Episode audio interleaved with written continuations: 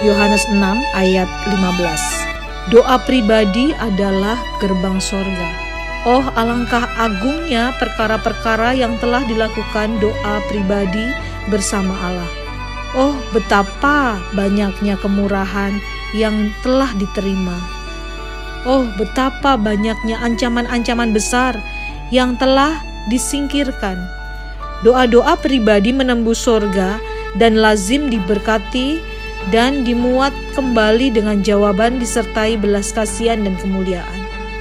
Hizkia telah berdoa dan menangis secara pribadi dan doanya telah didengar dan Allah menambahkan 15 tahun umur hidupnya. Yakub telah menang dan menjadi anak raja bersama Allah.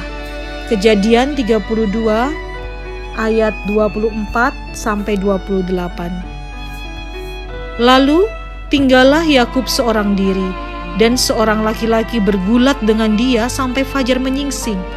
Ketika orang itu melihat bahwa ia tidak dapat mengalahkannya, ia memukul sendi pangkal paha Yakub sehingga sendi pangkal paha itu terpelecok.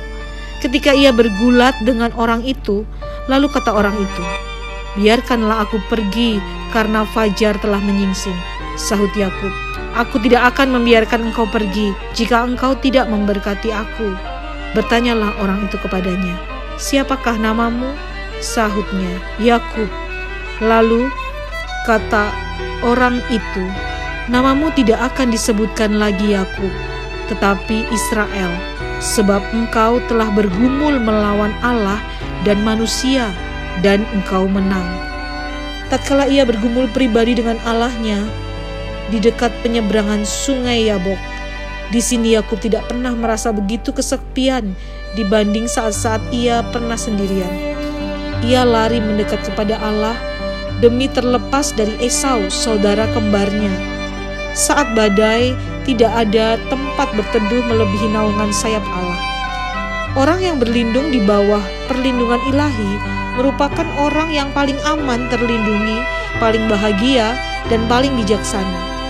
Yakub tidak melepaskan genggamannya dan berbicara dengan berani di hadapan Tuhan untuk tidak membiarkan Allah pergi sebelum ia memberkati Yakub. Oh, alangkah besar kuasa doa pribadi. Ada semacam kemahakuasaan di dalamnya, seolah-olah Allah ditawan. Doa menjadikan Allah seakan terpenjara, membelenggu tangan Sang Maha Kuasa. Benar, doa akan memerah kemurahan, berkat langsung dari tangan sorgawi. Oh, kuasa doa yang membuat seorang manusia menang dari kuasa terbesar dan tertinggi. Yakub yang seperti cacing dengan mudah dapat tergilas dan terinjak-injak kaki, tetapi dalam doa pribadi ia telah mengalahkan Allah yang Maha Kuasa. Sebagai anak raja, ia melebihi malaikat melalui kuasa yang diperolehnya dari malaikat itu.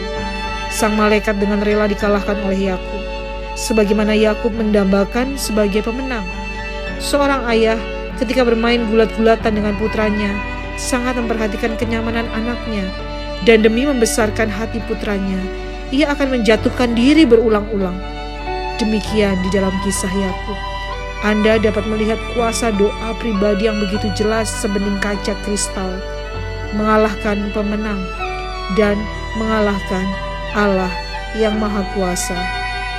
Thomas Brooks 1608 1680